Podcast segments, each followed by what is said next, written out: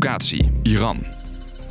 Missie. Een Nederlandse spion moet een kerncentrale infiltreren met een computervirus. Om zo het atoomprogramma van Iran te saboteren. Eh, ja, dankjewel Dennis. Dit spionnenverhaal klinkt als een spannende film, maar het is echt gebeurd in 2007, zonder dat de Nederlandse politiek daar iets over wist. Die zijn helemaal niet geïnformeerd over überhaupt het voornemen tot sabotage. Wat was precies de rol van Nederland in dit verhaal? Ik ben Frederik en ik neem je mee op missie. Lang verhaal kort. Een podcast van NOS op 3 en 3FM. We gaan eerst eventjes terug naar Iran.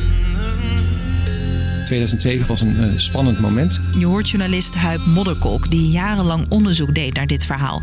Iran zou werken aan atoomwapens. Israël vond het uiteraard uh, zorgwekkend, wilde misschien wel gaan bombarderen. Uh, maar de Amerikanen en Israëli's hadden toen al jarenlang aan iets anders gewerkt. Een nieuw wapen gewerkt, waarmee ze dat programma ook konden gaan saboteren. Maar ja, saboteren is nog niet zo makkelijk. De Iraanse ondergrondse kerncentrale was volledig hermetisch afgesloten. Dus hoe doe je dat? Nou, de oplossing: een spion. Hij was een uh, ingenieur die werkzaam was in Dubai. Hij werkte daarbij in een transportbedrijf.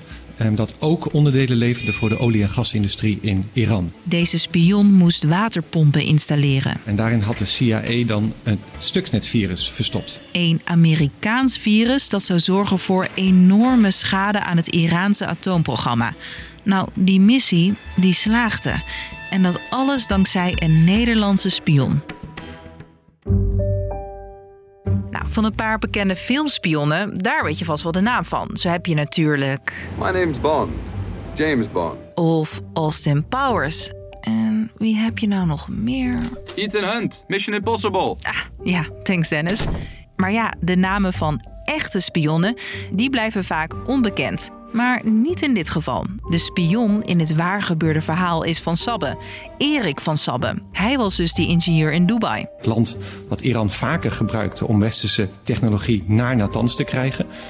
Dus zo is het vrij logisch dat ze uiteindelijk bij hem zijn uitgekomen. Hij werd gerecruiteerd door de AIVD, de Algemene Inlichtingen en Veiligheidsdienst. Het is een combinatie van een inlichtingendienst die informatie verzamelt over het buitenland en een veiligheidsdienst die op de eerste plaats uh, informatie verzamelt over uh, binnenlandse dreigingen. Je hoort Ben de Jong. Hij is onderzoeker op het gebied van inlichtingsdiensten.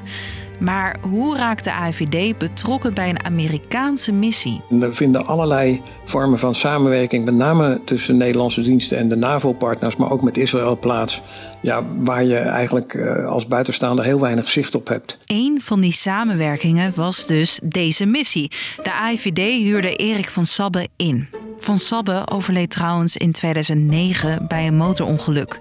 Ondanks de belangrijke samenwerking wist de AIVD niet alle details van de missie. De AIVD heeft nooit geweten dat ze dat nieuwe wapen daar naar binnen brachten. Die dachten, we spelen een rol bij de sabotage van het kernwapenprogramma.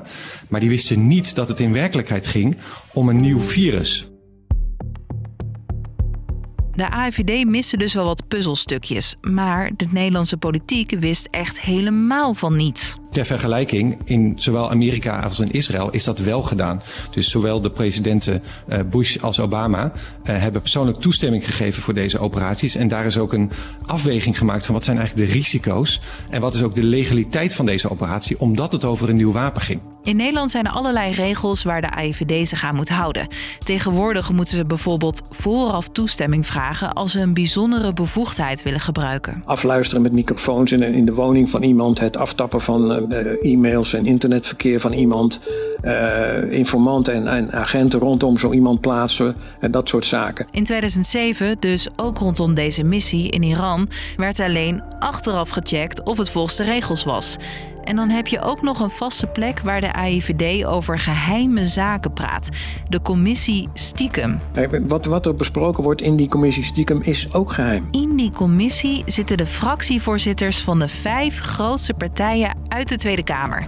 De AIVD praat hen een paar keer per jaar bij over belangrijke onderwerpen. Maar volgens Volkskrant-journalist Huub Modderkolk is er destijds niets over de missie in Iran besproken. En daar zijn sommige politici niet blij mee. Mee. Want dit kan je gewoon niet doen. Je kunt niet um, je goddelijke gang gaan, zoals iemand het zegt, um, en, en daar niet um, politieke afstemming over, uh, over vragen. Die Eerste Kamervragen, die zijn al verstuurd. Dus hier gaan de politici in de Tweede Kamer het de komende tijd nog wel over hebben. Dus, lang verhaal kort. Een Nederlandse spion heeft in 2007 het Iraanse atoomprogramma gesaboteerd. De IVD recruteerde de spion voor deze missie, terwijl de Nederlandse politiek van niets wist. Kamerleden willen nu weten waarom niet. Nou, deze missie is geslaagd. Morgen zijn we gewoon weer hoor. Daar doen we niet geheimzinnig over. Doei!